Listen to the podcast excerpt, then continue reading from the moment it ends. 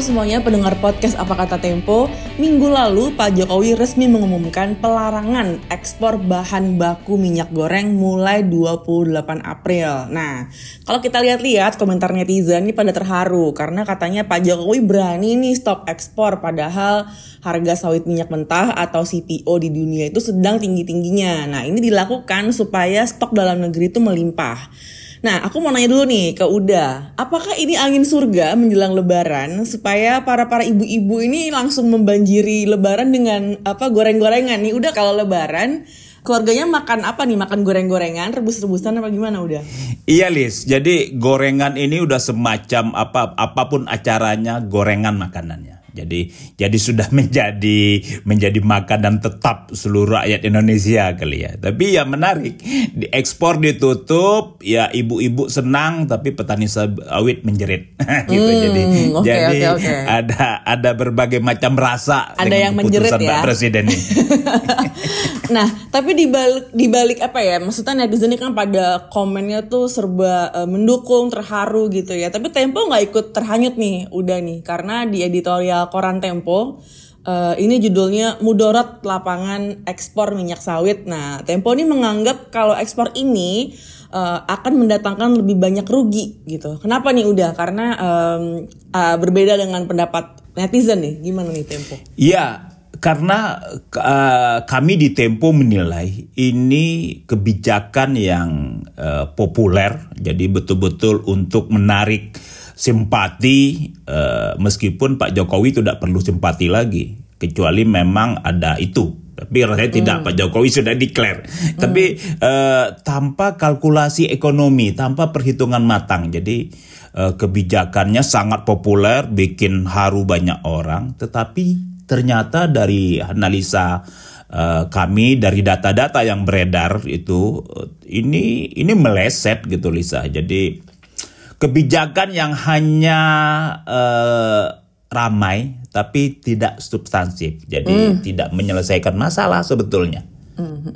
ramai tapi tidak substansif. Nah, mari, mari Iya. kita bedah nih apa eh, editorial Tempo nih udah ya. Jadi apa aja ruginya kalau ekspor minyak sawit ini di stop?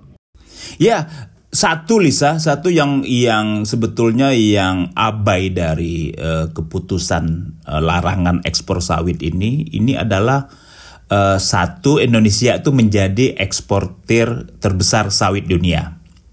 Sudah pasti ketika eh, pemasok negara dengan jumlah pasokan sampai 51,3 juta ton per tahun itu berhenti ekspor, pasar akan guncang, harga akan melambung. Siapa yang tepuk tangan? Negara tetangga. Malaysia, negara-negara lain yang juga menjadi kompetitor selama ini, hore, kita saatnya panen raya katanya. Karena karena keputusan ini. Tetapi ada hal penting lagi.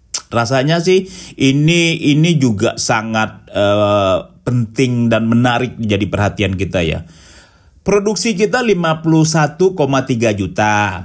Kebutuhan dalam negeri, ya ini termasuk eh, buat bahan baku minyak goreng, buat biodiesel, itu cuman 18,4 juta ton. Selebihnya 34,2 juta ton harus diekspor. Kemudian 34,2 juta ini dilarang ekspor. Terus mau taruh di mana? Oke, para produsen sawit, eh, para taipan-taipan besar yang selama ini menikmati eh, cuan besar dari harga sawit yang melambung rugi. Tapi ingat juga ada petani sawit yang jumlahnya juga jutaan.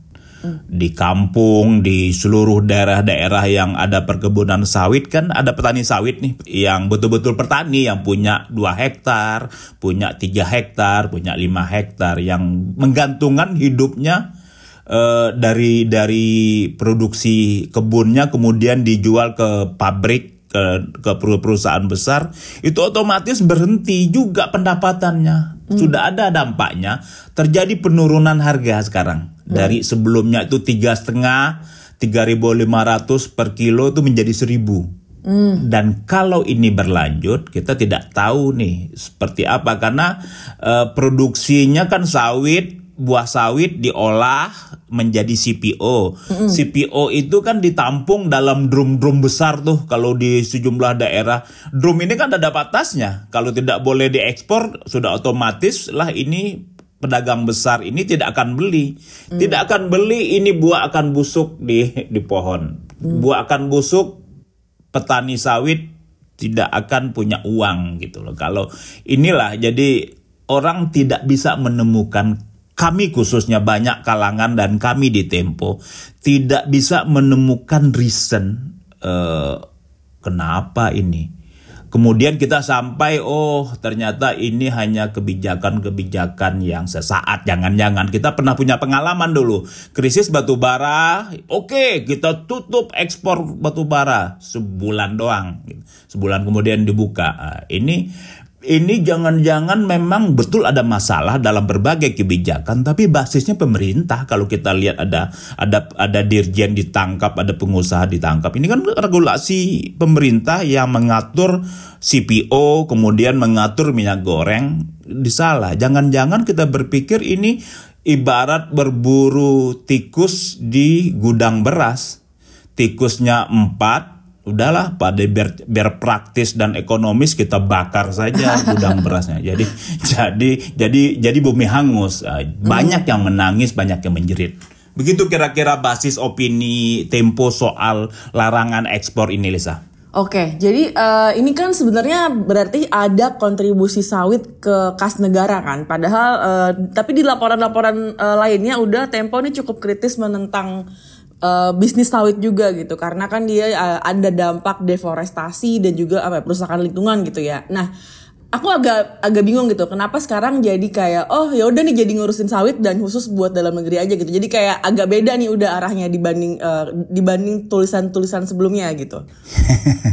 Ini menarik nih. Jadi kalau mendua tidak juga kita konsisten bahwa uh, kebijakan pemerintah dalam uh, pemberian izin sawit itu secara sukses dan paripurna mengurusak hutan. Itu fakta yang sulit kita pungkiri. Tapi faktanya rusan hutan-hutan yang sudah ratusan atau jutaan ribu uh, jutaan hektar Risa itu sudah rusak dan sudah dibangun dibangun sawit dan di sana bergantung hidup jutaan orang gitu loh. Jadi tidak mendua sih kita kita kita konsisten uh, konsisten bahwa uh, sawit itu salah satu biang kerok rusaknya hutan. Tetapi ada hal yang penting dari hutan ini sudah rusak. Harusnya ada kompensasi dong. Oke, kompensasinya adalah hutan rusak kemudian dijadikan kebun sawit Mbok ya ada kompensasi ke negara. Sudah ada kompensasinya meskipun tidak imbang ya, tidak pernah bisa dibandingkan antara kerusakan hutan sama nilai eh, kompensasi atau penerimaan negara. Tapi faktanya di depan mata kita uh, sawit itu memberi kontribusi 64 triliun per bulan wow. bagi neraca perdagangan. Hmm. Gara-gara kebijakan yang ya tanpa basis tadi hmm. itu hilang tuh. Ini negara lagi susah loh. Kecuali kita kaya raya bolehlah confident udahlah nambah 64 triliun itu kecil. Nah, tapi dengan kebijakan ini sudah dua kali dua kali rugi Lisa ke soal sikap yang mendua tadi. Satu hutan rusak tidak bisa kembali lagi. Yang kedua sudah dibangun sawit, sawitnya tidak memberi kontribusi. Nah, sudah selesai permainan kalau begini. Ya, ya, ya, ya. Oke, oke. Nah, udah. Tapi kalau uh, ekspor minyak sawit ini dilarang gitu, ini kan bakal bikin stok dalam negeri itu melimpah ruah gitu. Dan harusnya rakyat kita juga nggak kesusahan lagi mencari minyak gitu loh. Gimana udah?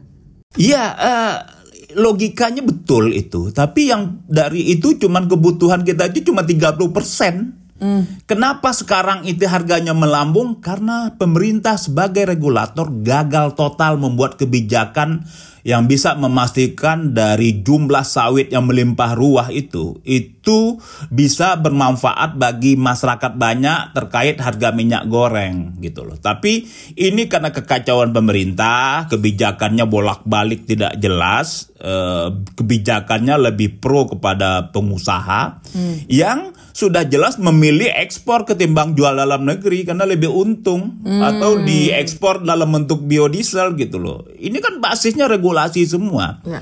Bahwa ini kan di stop untuk menjaga pasokan minyak goreng. Ya betul satu bagian, tapi bagian lain tidak tidak tepat sekali karena ada 51 juta ton kebutuhan minyak goreng dalam negeri itu cuma 16 sampai 18 juta ton. Mm. Terus sisanya gimana gitu. Jadi jadi inilah ya mm. kita yang gagal membuat regulasi, membuat pengaturan bagaimana uh, hutan yang sudah rusak menjadi sawit. Sawit itu bisa dipakai untuk memenuhi kebutuhan dalam negeri, memberi kontribusi kepada uh, negara dalam bentuk pajak dan lain-lain. Tetapi gara-gara salah kebijakan itu dibuat keputusan drastis yang sudah jelas memberi dampak besar dan kerugian besar lagi gitu loh. Hmm. Jadi tidak tidak pernah menyelesaikan masalah rasanya dengan larangan ekspor ini. Kemudian yang perlu diingat list ini kapasitasnya sama dengan batu bara rasanya ya. Daya tahan industri itu untuk bisa tidak ekspor itu cuma satu bulan. Artinya ada kehilangan 64 triliun. Setelah itu kita nggak tahu apa yang terjadi.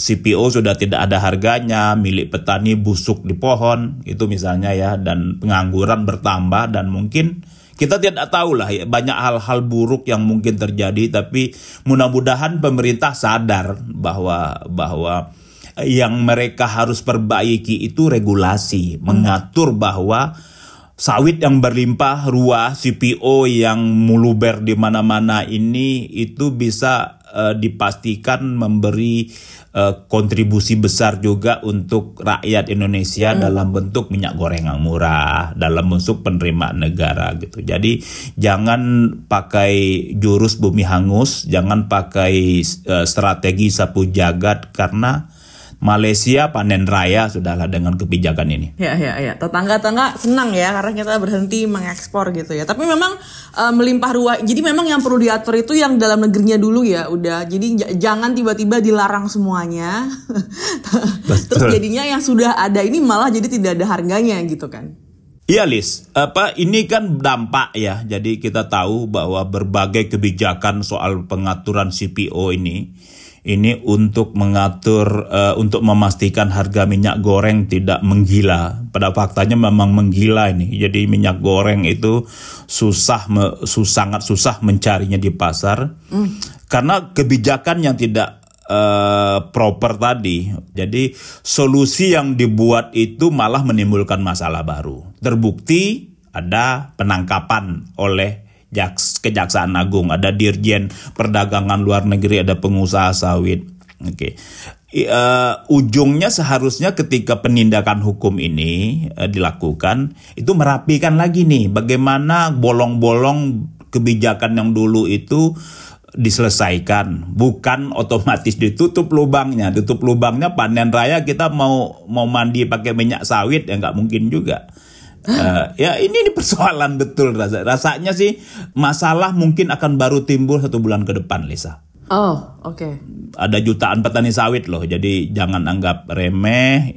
Ada keluarga yang ikut di dalam jutaan orang itu mereka butuh makan, mereka butuh biaya sekolah dan lain-lain. Ya. Pemerintah harus lebih wise lah ya, harus memberi solusi yang menyelesaikan masalah gitu, bukan membuat solusi yang hmm. malah membuat masalah baru. Udah aku penasaran aja pertanyaan dikit tambahan. Uh, ini petani-petani ini sekarang uh, apa apa upaya mereka udah untuk counter ini ada nggak untuk counter regulasi yang total stop ekspor gitu? Ya para para pengusaha itu kan tidak punya ruang izin ekspor dikeluarkan oleh pemerintah gitu. Ini ya mereka tidak berkutik juga, Lis. Hmm. Jadi tidak ada ruang lain rasanya kecuali ya menerima nasib lah ya. Sambil menghitung-hitung ini uh, apa gudang penampung berapa lama nih. Kemudian kalau penuh bagaimana nih? Yang ketika itu gudang penampung sudah penuh, yang paling mungkin mereka lakukan adalah stop produksi di lahan sendiri, kemudian stop membeli buah tandan sawit dari petani. Hmm. Sudah buat apa lagi kalau tidak bisa iya, di karena nggak ada tempat lagi untuk betul tidak bisa tidak ada tempat tidak bisa diolah gitu ya sudah. Dan ini ini pastilah ya tidak tidak semuanya akan menangis rasanya sih dengan dengan ini. Artinya ini nggak produktif juga buat uh, para pelaku industrinya ya udah ya? Pelaku industri oke okay, sederhana lah. Pelaku sendiri sempat panen raya lah kemarin ketika agar sawit melambung. Tapi yang perlu jadi perhatian kita para petani sawit hmm. dan kontribusi uh, ekspor CPO ini terhadap penerimaan negara terhadap neraca perdagangan. 64 hmm. triliun itu bukan uang kecil. Bisa 64 triliun itu rasanya kalau dipakai membangun sekolah, dipakai membangun jalan mungkin udah banyak banget ya. Hmm. Dipakai untuk proyek negara tapi tidak ada korupsi. Pasti banyak manfaatnya. Oh, Oke. Okay. Udah kapan nih terakhir ke pasar untuk cek harga minyak? ya uh, sebetulnya sebelum kebijakan ini, kebijakan hmm. yang drastis dari Pak Jokowi, minyak itu sudah cukup apa? Sudah tidak menggila lagi kan persoalan sebelumnya adalah kita negara sawit, negara pengekspor terbesar sawit, produsen sawit terbesar di dunia. Tapi minyak goreng itu selain harga melambung, susah ditemukan. Nah, itu sudah ada perbaikan sebetulnya ya dengan berbagai tindakan yang dilakukan jadi uh, memastikan pasokan dalam negeri. Uh, sekarang rasanya tidak ada lagi kalau kita cek berita-berita ya tidak ada lagi kegilaan harga gitu loh masih stok juga ada juga mulai tersedia. Hmm. Uh, tapi jangan-jangan yang perlu dilihat itu bukan stok minyak goreng di pasar, stok uh, sawit milik petani oh. yang sebulan lalu teriak-teriak harga tinggi sekarang meraung-raung karena tidak bisa dijual. Mm. Jadi ironis sebetulnya. Oke, okay. nanti kita tunggu apakah kebijakan kali ini nih cuman uh, gertak sambal aja atau beneran berdampak ya. Udah nanti kita lihat. Demikian podcast apa kata Tempo yang udah mau mudik selamat mudik. Eh kita libur ya minggu depan udah. Iya betul. kita butuh libur. Kita butuh libur. Selamat beridul fitri teman-teman yang merayakan. Selamat menghabiskan waktu dengan keluarga dan iya nih kita udah dua minggu eh udah dua tahun kita nggak mudik lebaran nih. Udah mudik nggak tahun ini? Uh, tidak Lisa, jadi kita kita bertahan di Jakarta dulu. karena ya. karena kita hitung-hitung mudik akan hanya bermacet ria di kampung, lebih baik kita nikmati Jakarta yang sepi dan mahal tiket-tiket. Dan mahal tiketnya betul. Oke, terima kasih semuanya sudah mendengar sampai akhir. Lisa dan Unda pamit dulu. Kita jumpa lagi uh, setelah libur, libur Lebaran. bye bye semua.